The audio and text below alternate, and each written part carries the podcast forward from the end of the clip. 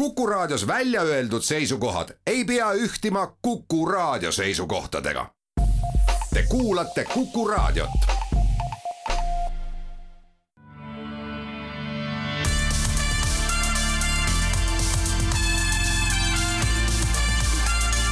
Buum. buumile annab hoogu SEB Pank tere päevast, on üheksateistkümnes aprill, aasta kaks tuhat kakskümmend kolm, oleme taas eetris Buumi saatega, saatejuhid sedapuhku Raivo Vare ja Anto Liivat. uudisteploki avame teadetega sellest, et Louis Vuitton Moyo Hennessy looja Bernard Arnault on taas maailma rikkaim mees, sest hiinlased said jälle hakata reisima ja minna poodidesse, välisriikidesse luksuskaupu jahtima. Teise uudisena räägime sellest, et häiritud viljaeksport Ukrainast läheb maailmamajandusele päris kalliks maksma, tegu on miljarditega arutleme ka selle üle, mida ikkagi õpetada tulevastele tippjuhtidele, et nad korporatiivhierarhias jõuaks kõige kõrgemale võimalikule astmele ning piilume sisse ka nooblite ärikoolide õppekavadesse ja lõpuks uudisteplokis räägime sellest, kas inimesed pingutaksid töökohal enam, kui osa preemiast äh, makstaks välja heategevuse otstarbe sihitisega. meie tänane saatekülaline on Tallinna Ülikooli rekreatsioonikorralduse dotsent ja turismiekspert Mart Reimann, kes on viimasel ajal veetnud väga palju aega Ukrainas uurime nii seda, kuidas läheb Ukraina turismi ja maamajandusel kui ka laiemalt äh, Ukrainas toimuva kohta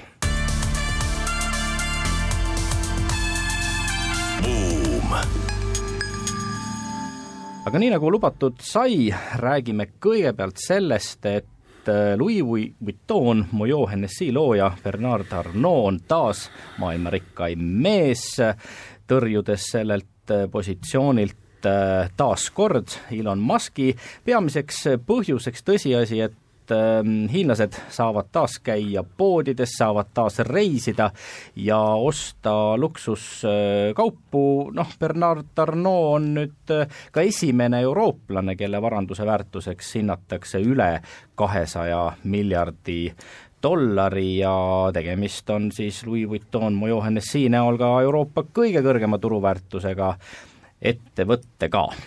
kusjuures ärgem unustagem, et tegelikult neid inimesi kokku on äh, kolm, keda sellesse kategooriasse on tänaseks äh, varahinnangu järgi arvatud, lisaks äh, Arnoole on veel ka loomulikult ei keegi muu kui Elon Musk, kes korduvalt on ka edetabelit juhtinud, ja samuti aeg-ajalt edetabelit juhtinud Jeff Bezos. rohkem neid inimesi maailmas kokku arvutatud ei olegi, kel oleks üle kahesaja miljardi vara väärtus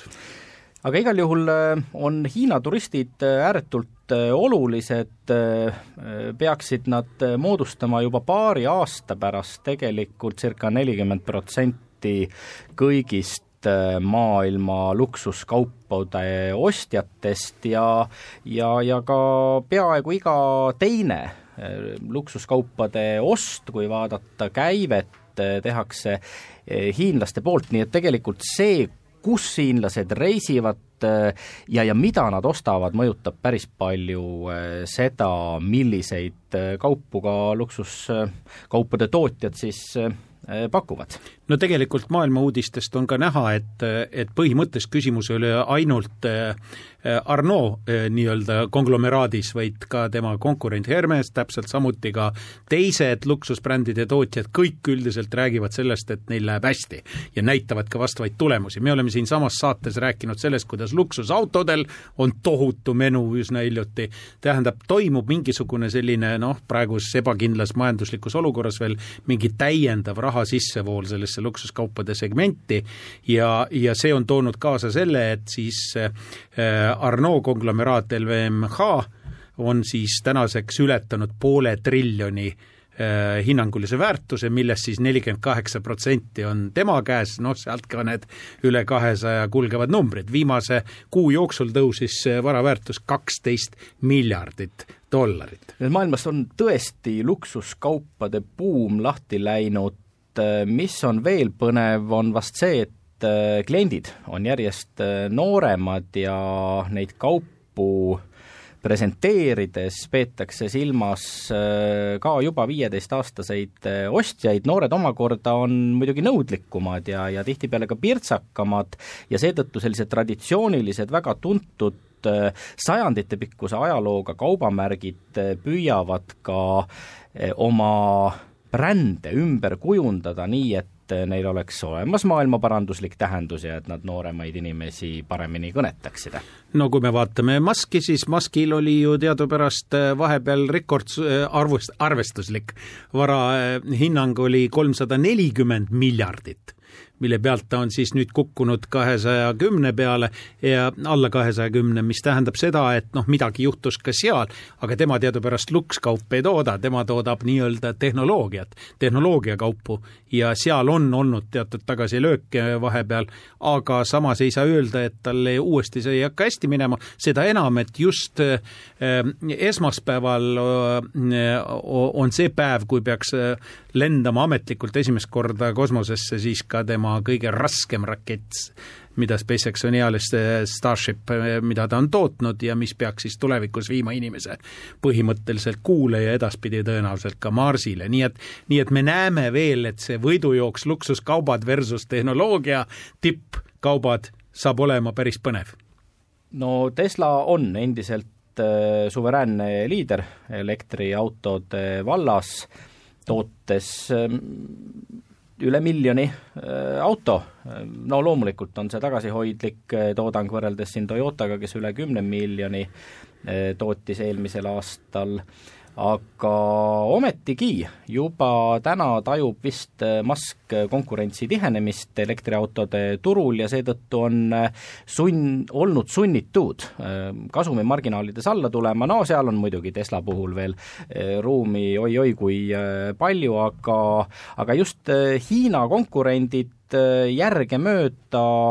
saavad Äh, elektriautode vallas jala maha ja, ja küllap Musk püüab oma tänast turuosa mitte ainult kaitsta, vaid proovida veel nii kiiresti eest ära joosta kui võimalik, et seda esimese turul olija eelist ära kasutada. jah, mis tal oli, aga mis nüüd hakkab käest libisema, aga Hiina üldsegi ja üldse Aasia laiemalt praegu otsustabki. ka luksuskaupades tegelikult on ju probleem selles, et see Aasia on avanenud, Aasias need müügid kasvavad äh, geomeetrilises progressioonis, needsamad luksuskaupade müügid sealhulgas, aga Euroopas seda veel juhtunud ei ole. ehk siis Euroopa on veel nii-öelda reservis no ja autotööstuse puhul täpselt äh, samamoodi, möödunud aastal äh,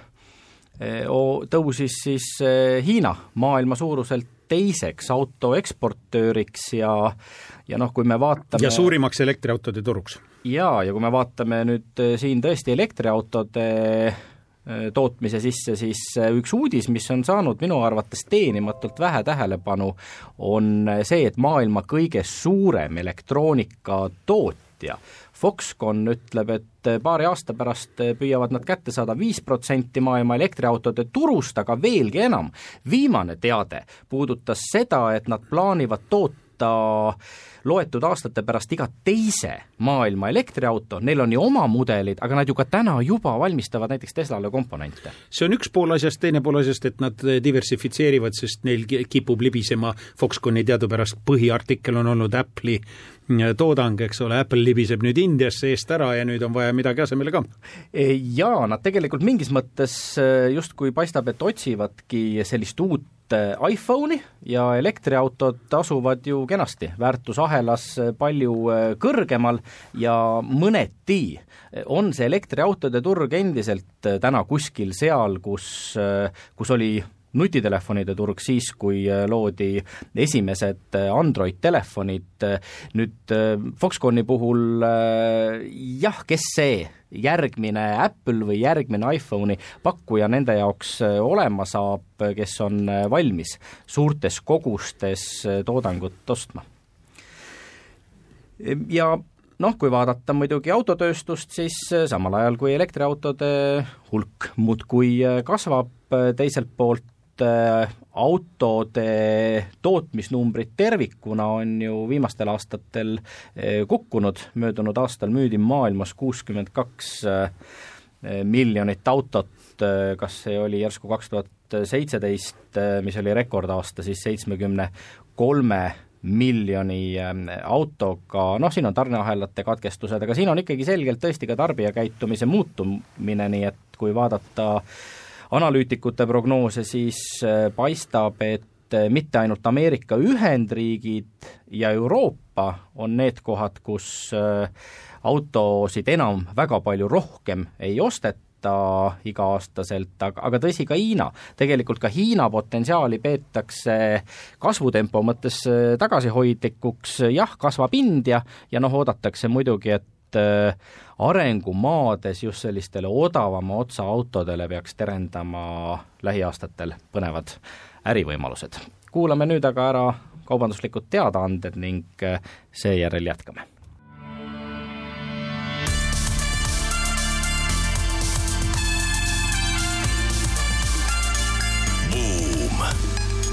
buumile annab hoogu SEB Pank. Oleme tagasi Buumi eetris, saatejuhid Raivo Vare ja Anto Liivat ning meie saatekülaliseks on äh, Tallinna Ülikooli rekreatsioonikorralduse dotsent, turismikorralduse asjatundja Mart Reimann, kes aitab meil nüüd ka järgnevaid uudiseid kommenteerida. oleme teada saanud Äh, värske teadusuuringu põhjal, mis siis viidi läbi Adam, Rose'i ja tema kolleegide poolt, et äh, hinnatav kahju maailma majandusele, mis tuleneb Ukraina ja Venemaa takistatud viljaekspordist, on enam kui üks koma viis miljardit dollarit. No tegelikult seda summat, mis raportis nimetatakse üheks koma kuueks miljardiks, jaguneb niimoodi, et pool sellest on Ukraina enda kannatatud kahjud ja need kahjud sugugi ei ole veel lõppenud, vaid nad kanduvad edasi, arvestades, et külvata ei saanud nii palju kui vaja, väljavedu kannatas möödunud aastase saagi puhul ja, ja, ja ligi kakskümmend protsenti jäi nii-öelda realiseerimata ja, ja loomulikult kõik see, mis sõjategevusega seondub ja takistab nii-öelda uues uues olukorras või, või uutel põllumajandushooaegadel toota, on probleemiks ka edaspidi. nüüd teine pool, see jaotub siis väga väikses osas küll Venemaa vahel, aga väga suures osas on see, see teine pool läinud kahjudeks just eelkõige Aasia ja, ja samuti ka äh, Aafrika puhul äh, nendesse regioonidesse, sellepärast et seal on väga palju riike, kes on väga sõltuvad sellest äh, impordist, just nimelt Ukrainast toodetud vilja impordist. teadupärast Ukraina on ju teravilja suur eksportöör, ta on maisis hästi suur, ta on nisus hästi suur, noh, päevalilleõli veel sinna otsa, kus ta on üldse maailmas esimene ja, ja, ja see tähendab seda, et need riigid, vaesemad riigid kusjuures, nende jaoks on see olnud väga tähtis, aga nüüd me näeme, et samal paralleelselt toimub üks teine protsess Euroopas, kus kurdetakse, et Ukraina vili ei olegi Aasiasse läinud, vaid on see, mis on tulnud välja Ukrainasse, on läinud hoopiski Euroopas Euroopasse ja rikkunud Euroopa põllumeeste äh, turu perspektiive, nii et me oleme praegu sellises olukorras, neid asju veel ju raporteid keegi arvestada veel ei oska. tõepoolest, Ukraina on maailma neljas maisi eksportöör, viies äh, nisu eksportöör, äh, kui tõsiselt, Mart, ukrainlased seda üle elavad, et maailma viljaaidaks tituleeritud riik täna ei saa eksportida kõike seda, mida ta on harjunud eksportima? no kui kohalike talumeestega rääkides või noh, ütleme need latifundistid, nagu nad ise ütlevad, need suur, suurtootjad, siis äh, nemad äh, võiks ol-, öelda, et äh, nendeni need rasked ajad ei ole veel jõudnud, et noh, ütlevad, et jah, vähenes küll natukene, aga, aga et esialgu jäävad ellu. ja noh, kui ringi liikuda ka, siis ikkagi põllud on haritud, et sööt ehitismaad on tõesti siis rindejoone kõrval, et, et seal, seal on siis äh, tankid keset põldu ja miinid ka. ja, ja miinid ka, jah. et äh, et see on, see miinid on kindlasti väga suur probleem pikaks ajaks veel, aga ikkagi kogu Ukrainast, äh, kogu, kogu Ukraina külviterritooriumist, külvipinnast see, mis nüüd jääb rinde äärde, mis on mineeritud, see on ikkagi väga väike, väga väike osa, mingi noh, kümme protsenti või kuidas me hindame, et need, need alad, mis siis olid juba ennem väljas, et noh, iga, iga, igal juhul mitte üle kahekümne. seda on muidugi hea kuulda, et põllud haritud on, sest ennekõike Lõuna-Euroopas kevadine kuiva periood on külvi edasi lükanud ja ja see võimaldab juba prognoosida oodatust tagasihoidlikumat saaki, ennekõike siis ägavad täna probleemide käes Hispaania, Itaalia, Portugal, kus talv oli erakordselt kuiv, oli erakordselt soe ja noh, mitte ainult vilja hindadele, küllap see Lõuna-Euroopa tagasihoidlik toodang avaldab mõju, aga, aga ka puuviljadele ja, ja, ja köögiviljadele. Et äh, siin, äh, kui Euroopa ägas kuiva käes, siis Ida-Ukrainas oli äh, vihma liiga palju, et näiteks äh, maisi nad enne külmasid võtma ei saanudki seetõttu, et äh, pidi põllud ära äh, noh, tahedaks tõmbama, et äh, siis, siis said alles põllule. musinad ei saanud põllule ja ka muuseas Itaalias on ikka olukord niivõrd dramaatiline, et Itaalia peaminister Meloni on rääkinud veetsaari, te kuulete õigesti, veetsaari äh, nimetamisest, kelle ülesandeks siis on tegelikult tagada, et põllumajandus nüüd päris nüüd kuiva tõttu seal hätta ei jääks. ehk siis tegelekski vee jagamise ümberjagamisega, ei rohkem ega vähem. Lähme siit äh, edasi ärikoolide ja tippjuhtide juurde. The Economist vaatas sisse maailma nooblite ärikoolide õppekavadesse ja keskendus mõnevõrra rohkem Stanfordi ülikoolile, kuivõrd sealne MBA programm või magistriprogramm varasema juhtimis- ja majandushariduseta inimestele on üks maailma kõige konkurentsitihedamaid, võetakse vastu ainult kuus protsenti nendest, kes sisse astuda soovivad ning püüti siis aru saada, mis ikkagi on nii-öelda võiduvõti nende inimeste puhul, kes absoluutsesse tippu välja jõuavad, värske Ühendkuningriigi peaminister Rishi Sunak on samuti selle kahe tuhande kuuendal aastal alumni. jaa, selle, selle kooli vilistlane ja nii, kui Sunak peaministriks sai, siis Stanfordi rektor muidugi saatis kõigile laiali ka kirja, et noh, midagi vähemat polekski Rishist oodanud, sest ülikool on teda nii hästi tipp-positsiooniks ette valmistanud. no ma arvan, et see, see nii-öelda kaubamärgi eripära antud juhul on selles seisnenud, et seal kõige populaarsemad kursused ei ole mitte need, mida tavaliselt peetakse populaarseteks, ehk siis ähm, nii-öelda ma ütleks niimoodi, arvutusõpetus, kui lühidalt kokku võtta, ehk siis töötamine äh, rahavoogude arvestusega, Excelitega äh,, äriplaanidega kui sellistega, tähendab need klassikalised käsitööoskused. see on nagu iseenesest äh, hädavajalik nii-öelda komponent ja seda kaheldamatult ka õpetatakse ja õpitakse. aga see, mis neid eristab ja millele nagu siin ka rõhku on pandud selles materjalis, mis äh, tuli Economistis, on, on see, et seal õpetatakse hoopis teisi kvaliteete. Need on siis need kursused, mis õpetavad käituma õigesti, juhina käituma, poliitiliselt korrektselt käituma, isegi võib nii öelda. aga Mitte... olema ka makiavellistlikult kaval. jah, ja, ja väljendama oma empaatiavõimekust äh, oma partnerite, oma oponentide, kõigi suhtes ja mõistma asju laiemas kontekstis. ma arvan, et see on üks kõige tähtsamaid äh, nii-öelda järeldusi sellest ja see on populaarne, inimesed saavad aru, et see on oluline nii et äh, ma ei tea, kuidas teil seal EBS-is on, Anto, aga, aga selle suure pildi ja oskuse toimetada keerulises olukorras empaatiavõimeliselt, paindlikult, ettenägevalt, see on, see on tegelikult äh, nii-öelda tippu jõudmiseks äh, kõige olulisem võimekus, sellepärast et noh, ütleme piltlikult öeldes, et noh, tabelitega ja rahavoogudega oskavad väga paljud töötada. aga neid omadusi, neid on väga raske arendada, need peavad natukene ka sees olema ja neid siis edasi arendades on võimalik tippu jõuda, see on, see on konkurentsieelis no need kõige popimad kursused on siis Paths to Power ehk kuidas saada võimule, teiseks selline persooni brändingu kursus või, või see, millisena mind tajutakse ja kuidas olla osavalt sina ise. Ja kolmandaks siis Managing Growing Enterprises, aga mitte mitte niivõrd jah, selle numbri väänamise koha pealt, kuivõrd eh, selles osas, milliseid sotsiaalseid oskusi on vaja, et tulla toime keerukate situatsioonidega, olgu see inimeste värbamine, nende vallandamine, investorite ärarääkimine või eitavale vastusele reageerimine, ajakirjanikega eh, toimetulek, Äh, ja kui sa nüüd küsisid, et kuidas meil EBS-is, siis ma EBS-is olen kunagi magistrantidele seitse aastat ühte strateegilise eestvedamise kursust õpetanud, mis nende teemadega äh, tõepoolest tegeleb, nii et äh, ma, ma olen täiesti nõus Stanfordi õppekava arendajatega, et need on olulised asjad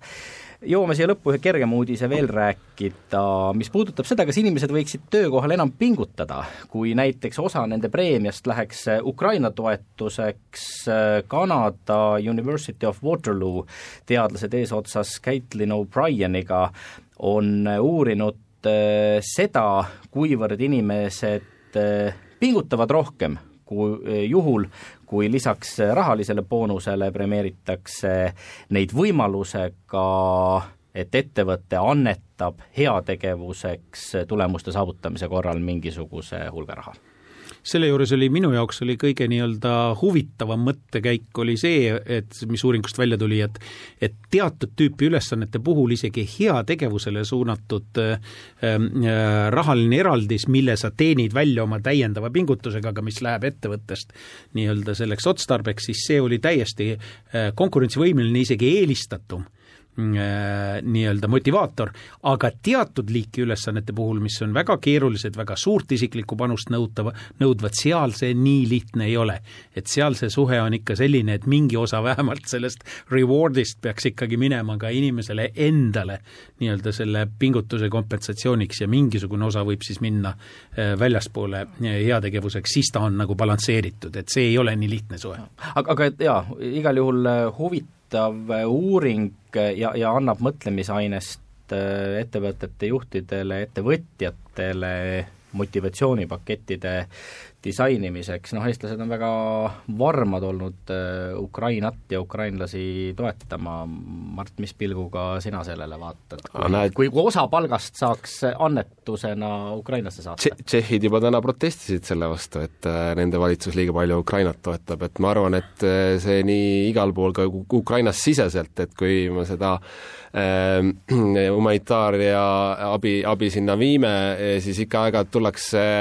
juurde, et kas te teate, teate ka, et eh, kuhu see ikka läheb, et nagunii tõmmatakse vasakule, et et on, ma ütlesin, et sellepärast me viimegi rindele ja anname võtmed kätte ohvitserile, et, et ma ei jäta seda autot kuskile siia poolele teele, ma viin selle otse rindele.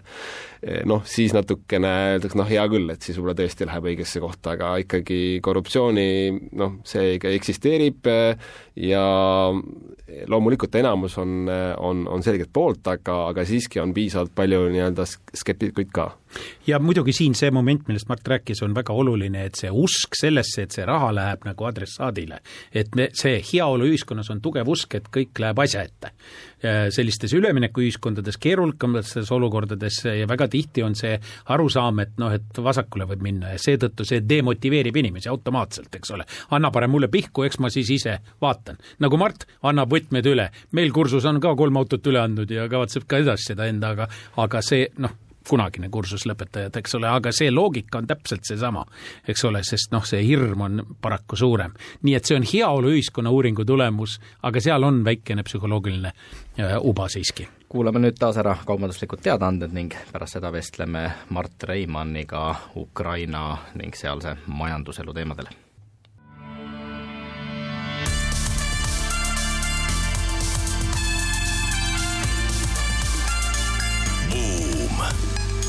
buumile annab hoogu SEB Pank. oleme tagasi Buumi eetris, saatejuhid Raivo Vare ja Anto Liivat ning meie tänaseks külaliseks on Tallinna Ülikooli rekreatsioonikorralduse dotsent Mart Reimann. ja selle tõttu on kohe mul ka küsimus Mardile, et Mart, aga mida teeb rekreatsiooni ehm, spetsialist eh, sõjast rebitud ja, ja raskes sõjalises olukorras olevas riigis? Väga hea võimalus uurida rekreatsiooni korraldust ja selle dünaamikat äh, sõjaolukorras, et äh, täiesti väga hea ja unikaalne. aga miks just see teema, sa oled enne ka teinud neid töid, aga juba nii-öelda post factum äh, konfliktipiirkondades, aga nüüd on tegu ju otseselt sõjalise olukorraga no,. enne ma olen hiljaks jäänud lihtsalt, nüüd ma lõpuks jõudsin õigel ajal aga mis sa teed seal, mis, mida sa uurid? et äh, tegelikult äh, see projekt hakkas jah, küll juba enne, enne sõda või enne massi pealetungi pihta, et äh, praegu meil siis maamajanduse mitmekesistamine ehk siis maaturismi klastrite võimestamine, kõigepealt siis kaardistamine ja praegu me olemegi selles järgus, et meil siis paari nädala pärast on Kiievis konverents, me oleme siin läbi käinud Ukraina kõik piirkonnad peale, peale Krimmi, et teistes oblastites oli ikkagi mõni nurk mitte okupeerimata ja siis seal, seal sai käidud ja ka seal täiesti turismiettevõtlus toimis. enne kui me lähme nende uuringute juurde, kas see probleem, et venelased pommitavad, saadavad kaela rakette, noh, sõna otseses mõttes aeg-ajalt satuvad nad ka tsiviilsektorisse, pommitavad puruks maju ja nii edasi, kas see kuidagi ei avalda selles suhtes negatiivset mõju äh,? Linnadele negatiivset. linnadele? aga maapiirkondadele positiivset. maapiirkonnades on äh, just seal rindelähedastes piirkondades on, äh, on ikkagi kolm-neli korda äh, suurem rahvaarv, kui ta oli ennem ja ka linnade ümber, et see valglinnastumine, mis meil võttis siin kolmkümmend aastat, on aega võtnud, seal tehti poole aastaga ära. et, et enne räägiti, mis maapiirkond, seal on äh, harimatud inimesed, äh, pori ja kõik muu, aga nüüd on äh, kõik vanad osmikud ära ostetud ja inimesed nii ostavad maju kui ka on majutusettevõtetes. sa oled kirjutanud kunagi Facebookis, et üldiselt on Ukrainas ikkagi valdavalt elu normaalselt elatav ja, ja ettevõtted ägavad karjuva tööpuuduse all, on see tänase päevani nii? Jah, et äh, see on äh, järjest teravamaks läheb, kuna ikkagi neid tippspetsialiste just äh, läheb läände, no ikka veel ja, ja teine asi, noh, kui ka nad lähevad läände ja teevad siis nagu kaugtööd, et see ei ole ikkagi see, mis seal kohapeal olek, nii et ütleme niimoodi, et et see, et aidatakse pagulasi, et, et ikkagi mingil määral sellega teeb karuteene Ukraina, Ukraina majandusele, et eks seda muidugi väga raske nüüd siis välja selekteerida, et kellel nagu põhjust siin olla, kellel mitte, et kellel tõesti ei ole kodu, aga, aga noh, näiteks kas või ringi liikudes Karpaatides näidatakse, näed, see maja väga ilus, võimas, võimas maja. noh, see pere elas ennem väga hästi siin, nüüd siis on sellest massipealetungi algusest saadik on Poolas, poolakate kulul elavad, on ju, et, et siia pole, siin läheduses ei ole ühtegi raketti kukkunud ega ei kuku ka, üheksakümmend üheksa koma üheksa protsendi tõenäosusega, aga noh, lihtsalt näed, inimesed elavad teiste kulul ja tegelikult järjest enam ka siis kohalikud vaatavad lahkujate peale kui, kui nii-öelda reeturite peale. sa korraldad äh, Kiievis kaheteistkümnendal mail konverentsi maaturismi teemadel, mida see Ukraina maaturism endast äh, kujutab ja, ja, ja, ja millest see, see konverents siis täpsemalt räägib? Jaa, et me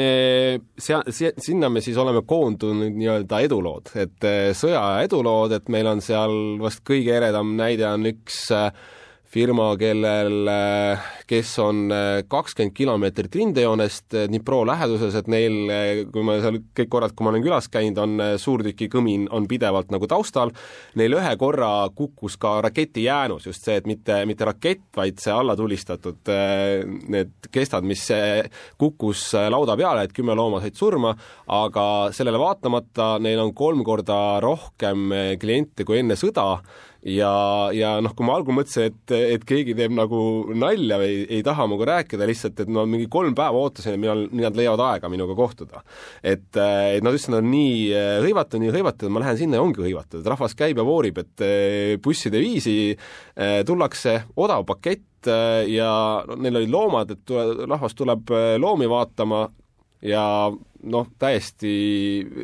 no vooritakse ikkagi väga, väga intensiivselt. oot-oot, rahvas, see on siis kohalikud? Need äh, on, on siis ukrainlased, siseturistid? jah, need on Dniprost, et kui me räägime nüüd Ida-Ukrainast, siis on ikkagi äh, kas äh, kohalikud või sealt okupeeritud aladelt äh, tulnud, äh, et seal me sellisest välisturistist äh, ei, ei räägi, noh muidugi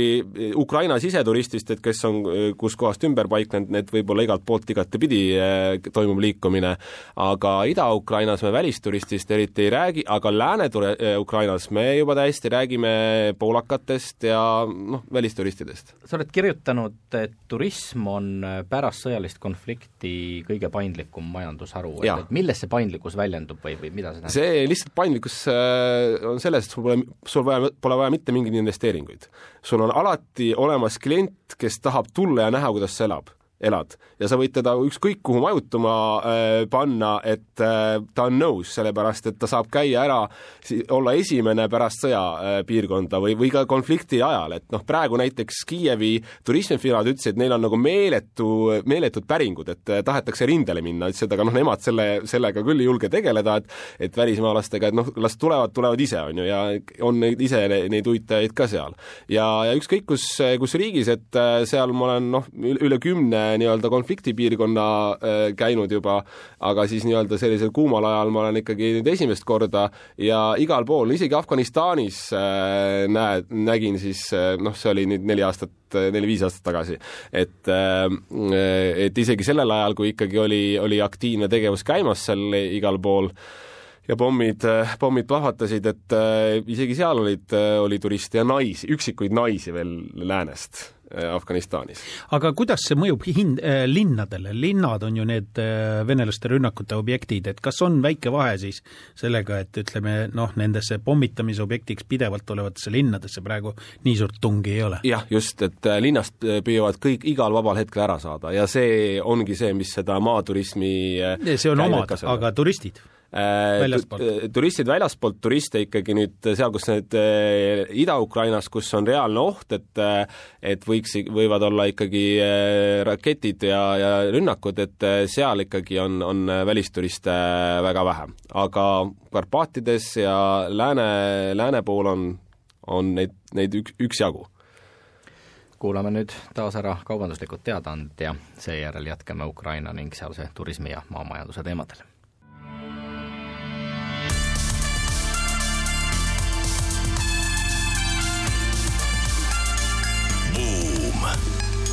buumile annab hoogu SEB Pank. oleme tagasi Buumi eetris, saatejuhid Raivo Vare ja Anto Liivat ning meie tänaseks külaliseks Tallinna Ülikooli rekreatsioonikorralduse dotsent Mart Reimann, kes on äh, veetnud äh, ka viimase aasta jooksul palju aega Ukrainas. Te olete teinud ära tohutult suure uurimistöö viinud läbi sada viiskümmend intervjuud rindeäärsete maaturismi ettevõtjatega, lisaks nüüd veel turismiettevõtjatega, et, et see rindeäärsetes oli siis sada viiskümmend, seal olid nii siis linna kui ka maaettevõtjad. ja lisaks veel kakssada intervjuud nii-öelda ukselt uksele, kolmkümmend tuhat kilomeetrit läbi sõitnud seal, mis nendest intervjuudest ja, ja uuringutest põnevat välja tulnud on? kõik on väga põnev, et äh, just mis nagu äh, oli, oli põnev, oli, oli oluline ka, mis ajal seda küsida, et, et kui äh, siis eelmisel aastal äh, veebruar, märts ja aprill oli ikkagi selline šokk ja siis nagu väga ei tahetud üldse millestki rääkida, siis me pida-, aga siis mais hakkasime pihta ja siis juba siis juba inimesed olid nõus suhtlema, hakkas siis, et, et võib öelda, et siis äh, kaks kuud oli niisugune turismi, rekreatsiooni ja meelelahutuspaus Ukrainas. ja siis hakkas kohanemine? ja, ja siis hakkas kohanemine ja siis hakkas kohe pihta, et kaua sa ikka nagu ilma pidutsemata oled. ja kui, kuna linnas on komandanditund ja seal ei ole nagu ilus ka, tuleb naaber ütlema, et siis minnakse võimalikult äh, kaugele maakohta ja seal pannakse siis ööläbipidu, et kus keegi ei kuule, nii et ühesõnaga sellised kauged nurgad, mida kaugemale kaugemale läksid, seda paremini neil, neil nagu äri läks, et, et oi, meil siin käib palju rahvast ja et, et siin kuna naabreid ei ole ja, ja keegi segama ei tule, võivad siin rahulikult teha, mis nad tahavad. sellist ettevõtlikku vaimu on äh, siis Ukrainas äh, endist viisi või, või, või palju, et, äh, et, et noh, kui on näha et linlased tahavad tulla maale pidu panema, noh siis leitakse piltlikult öeldes need vanad äh, kolhoosiruumid, äh, kultuurimaja, kus see disko püsti pannakse. täpselt nii, et äh, ukrainlased on väga leidlikud, väga siis ettevõtlikud, noh loomulikult on seal ka selliseid inimesi, kes vaatavad selle viltu, on ka selliseid ettevõtteid, kes on pannud lihtsalt uksed kinni ja, ja ära läinud või lihtsalt põhimõtteliselt ütlevad, et sõjaaeg ei ole nagu ilus ikkagi, et keegi kuskil sureb ja meie, mina siis võtan nüüd raha selle pärast, et keegi pidu paneb. ja, ja noh, muidugi on ka niisugused personaalsed teemad, et kui kellelgi ikka keegi lähedane on hukka saanud, et, et si-, siis ta on ka nagu ikkagi noh, ütleb, et kõik, kõik on nagu nüüd läbi ja kõik on jama, aga, aga üldjuhul on ikkagi valdav on selline optimism ikkagi, nad on ikkagi võitjad. et nii, nii nagu meil rahvuslikul ärkamisaeg, nagu meil aastal tuhat üheksasada kaheksakümmend kaheksa, kus me olime ka kõik siin Balti ketis ja, ja oli see selline eneseleidmine eneseseismise aeg ja ja see Ukrainas on täpselt samamoodi, nad on ikkagi omale suuremale vennale, kellele nad kogu aeg alt üles vaadanud, eh, sellele on eh, nii-öelda siis eh, nüüd pasunasse pannud ja et, et nad on ikkagi kõik, kõik valmistuvad, kõik töötavad võidu nimel aga jutt ei ole ju ainult pidudest, noh, tehakse ju ka maatöid, tehakse loodusturismi, tehakse mingisuguseid selliseid aktiviteete ka sinna otsa, eks ole, noh, ukrainlased on muidugi kõvad pidupidajad, seda ma tean omast käest, aga aga, aga noh, on ka muud ja kas on ka seda märgata, et tekivad ka jälle mingid kolded või klastrid, kus kus noh, teatud piirkonnad või, või teatud asualad või kus, kus hakkab nagu selline ühistegevus ka veel tagatipuks? jaa, seal on äh,, Ukrainas on endiselt, on ikkagi väga suur probleem, et äh, just need äh, kohad, äh, need kauged mõnusad metsaurkad, mis on samas mitte väga kaugel suurest linnast, et seal isegi see klastritegevus, et keegi ei ole isegi huvitatud reklaamist. et kõik tahavad vaikselt tegutseda, et jumala eest keegi neid ei märkaks, et nad mingeid makse ei peaks maksma ja, ja samas on jällegi ka need, et kes, kes ikkagi tahavad nii-öelda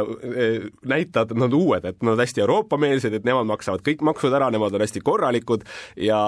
ja noh, see ongi,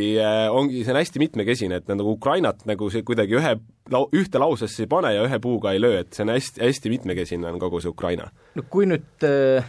valmistutakse Ukrainas äh, olukorraks, et sõja lõppedes hakkavad turistid äh, hulgakaupa ja suurtel kiirustel sinna minema, siis kui hästi ukrainlased inglise keelt valdavad või teisi võõrkeeli? see on kõige suurem probleem, et neil on isegi see, et nüüd on nad nagu nii, see võidu, võidueufooria on juba nii käima läinud, et ikkagi tullakse ja räägitakse nagu täiesti järjekindlalt, pannakse käed ka veel puusa ja räägitakse sinuga ukraina keeles. et, et mis me oleme Ukrainas ja et mis siis nüüd siis äh, ukraina keelt ei räägita ja noh, nagu pärast teist maailmasõda oli ju inglise keel noh, tänu siis USA mõjudele oli, oli, oli maailmakeeleks, et, et nii mõnigi loodab nagu seda, et et nii paljud ju igal pool maailmas õpivad ukraina keelt, et äh, arvavad, et, et ongi nüüd, et kogu maailm hakkab ukraina keelt õppima, et nad varsti saavad ukraina keeles äh, rääkida. nojah, aga Ukraina... turismis ei saa teisiti, siin peab ikka lingua franca olema ikka üks no, ja see on tõenäoliselt inglise keel. ja see on väga suur missioon, et seda me üritame, me, ma käisin siin, meil olid teised Eesti turismi eksperdid ikka kaasas, kellel oli ka põhiline teema oligi see, et kuulge, et keel, et, et me ei hakka teiega ukraina keelt rääkima, et et kas siis ing-, ja see on, see on see probleem veel, et inglise keelt nad tõesti ei oska ja vene keelt nad ei taha rääkida. noh, aga samas jällegi sa vene keelt nad ei taha sageli võõraga rääkida, sellepärast et omavahel ikkagi noh, sõltuvalt regioonist ikkagi väga paljud, see on nendel palju mugavam rääkida vene keeles, kuna on väga suur osa Ukrainast oli ikkagi venekeelne ja nüüd on siis jõuga läinud ukraina keele peale. no meil on vanalinn Viikingid erakordne puhas äh, loodus, mis need Ukraina sellised müügiargumendid, mida on võimalik turismis ka rahaks pöörata, võiksid olla? no kui sa ukrainlaste enda käest küsid, siis noh, niimoodi üle, üle ukrainaliselt, et mis nad on, siis Ukraina suuremad turismiatraktsioonid on Must meri ja Karpaadid. et see on selline automaatne vastus aga Must meri on praegu praktiliselt kinni no, kahjuks must, Musta merega on probleemid jah, aga Karpaatides äh, on, on palju ruumi ja, ja seda ja iseenesest seal käib ikkagi täiesti äh, käisin novembris, olin pikemalt Karpaatides äh, ja de-, detsembris olin, olin, olin Karpaatides ka ja seal ikka käis täiesti, need põhiturismikohad olid, olid rahvast täis ja, ja ei olnud üldse aru saada, et oleks mingisugune äh, eriolukord või, või sõjaolukord. Äh, suusakuurordid ja kõik see ja Pukavel ja need kuulad su-, su-, suusakuurordid kõik töötavad. noh, mineraalveed ka kindlasti, selles ei ole kahtlustki. aga mis toimub linnades ja mis toimub, no Lvov on või Lviv on see linn, mis on nagu tuntud linnade hulgas, aga no Kiiev on see eh, linnade ema, kuhu väga palju turismi on tulnud, aga Kiiev on ka rindetsoonis väga pikalt olnud, kas on märgata sinna? no Kiievisse jah, aeg-ajalt ikka raketid eh, või droonid eksivad, et eh, aga Kiiev on noh, nii Lviv kui Kiiev on ikkagi, seal ei ole enam midagi aru saada ka, et et noh, õhuhäired on, aga neid ei pane enam keegi tähele ja, ja noh, ikkagi kui, kui ikka ka tuld antakse, siis antakse infrastruktuuri pihta, et ja ise, et ega seda statistikat väga ei teagi, et ega seda väga ei avaldata, et ei, ei räägita, et kui nad, rahvas näeb, et noh, raketid lendavad, aga, aga ei tule infot selle kohta, et või tuleb siis, et üks-kaks inimest sai surma, aga noh, ei tea, kui et noh, nad ise seda statistikat ka väga ei, ei usalda seal, et tahetakse nagu ilustada või, või lihtsalt ei, ei räägita, noh palju on ka selliseid asju, et sa-, saavad mingi sõjalised objektid pihta, kus on siis mingid Äh, noh, võib-olla igasugust sellist äh, rahvast, keda ei taha, et ei, ei, ei, ei saa nagu meediasse lasta, et neid seal on ja nii edasi, et seetõttu on, on see statistika on hästi, hästi nii-öelda keeruline. kas sellised asjad nagu noh, ma ei tea, süstamatkad, nagu mingisugused äh, Äh, talutööd, kas sellised asjad on ka täna müügiartikliks? Äh, süstamatkadega on huvitav asi, et äh, kuna kardetakse diversiooni ohtu, siis ikkagi suures osas Ukrainas on jõgede peal süstasõit keelatud, isegi, isegi noh, mingisugune sadu-sadu kilomeetrit Valgevene või või Venemaa piirist, et, ei, meil ei ole mingit, et on see diver-, diversiooni oht ja on keelatud mm -hmm. süstaga aga talutööd? Äh, no talutöid ikka tehakse, seal kõik on hakanud ise potipõllundusega tegelema, talus äh, omale majad ostnud või, või siis äh, käivad kuskil, kuskil külas, aga see just, et et midagi, midagi olla maal ja seal midagi teha, et see potipõllundus ja üldse põllu, talutööd on läinud väga popiks. mis need teadmised, oskused, hoiakud ennekõike võiksid äh, olla, mis aitavad äh, Ukraina maaturismi ettevõtjatel äh, täna ja ka siis, kui, kui sõda läbi saab, hästi hakkama saada? no need, mis meil ei ole vajagi nagu palju mõelda, et me mõtleme Eestit kakskümmend viis aastat tagasi, täpselt nii, nagu meil oli ka, et paljud ettevõtjad ei, neil ei olnudki käivet nagu, aga koolitusele muidu ei saanud, kui sa pidid näitama, et sul käive on. Ja, ja, ja täpselt seda me praegu teeme, et, et konverentsile ka ei saa muidu, kui et sa näitad, et sul on mingi käive, et sa mingisugune ettevõtja oled. Ja me seda ka nagu üritame ikkagi teha, et inimesed äh,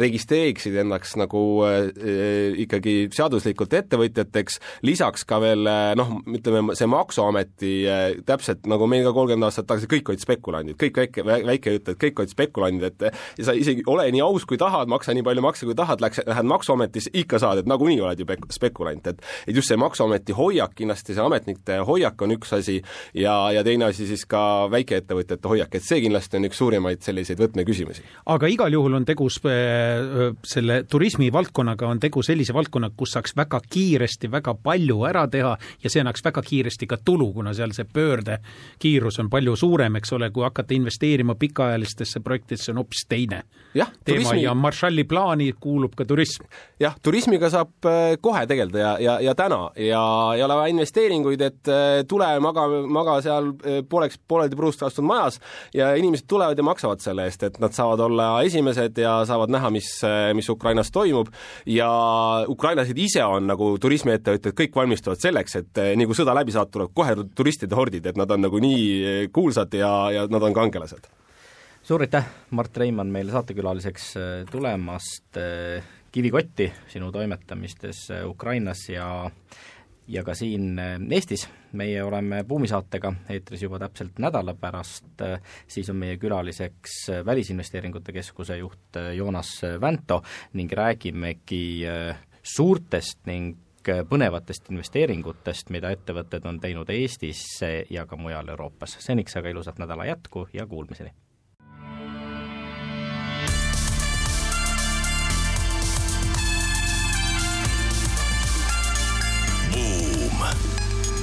Buumile annab hoogu SEB Pank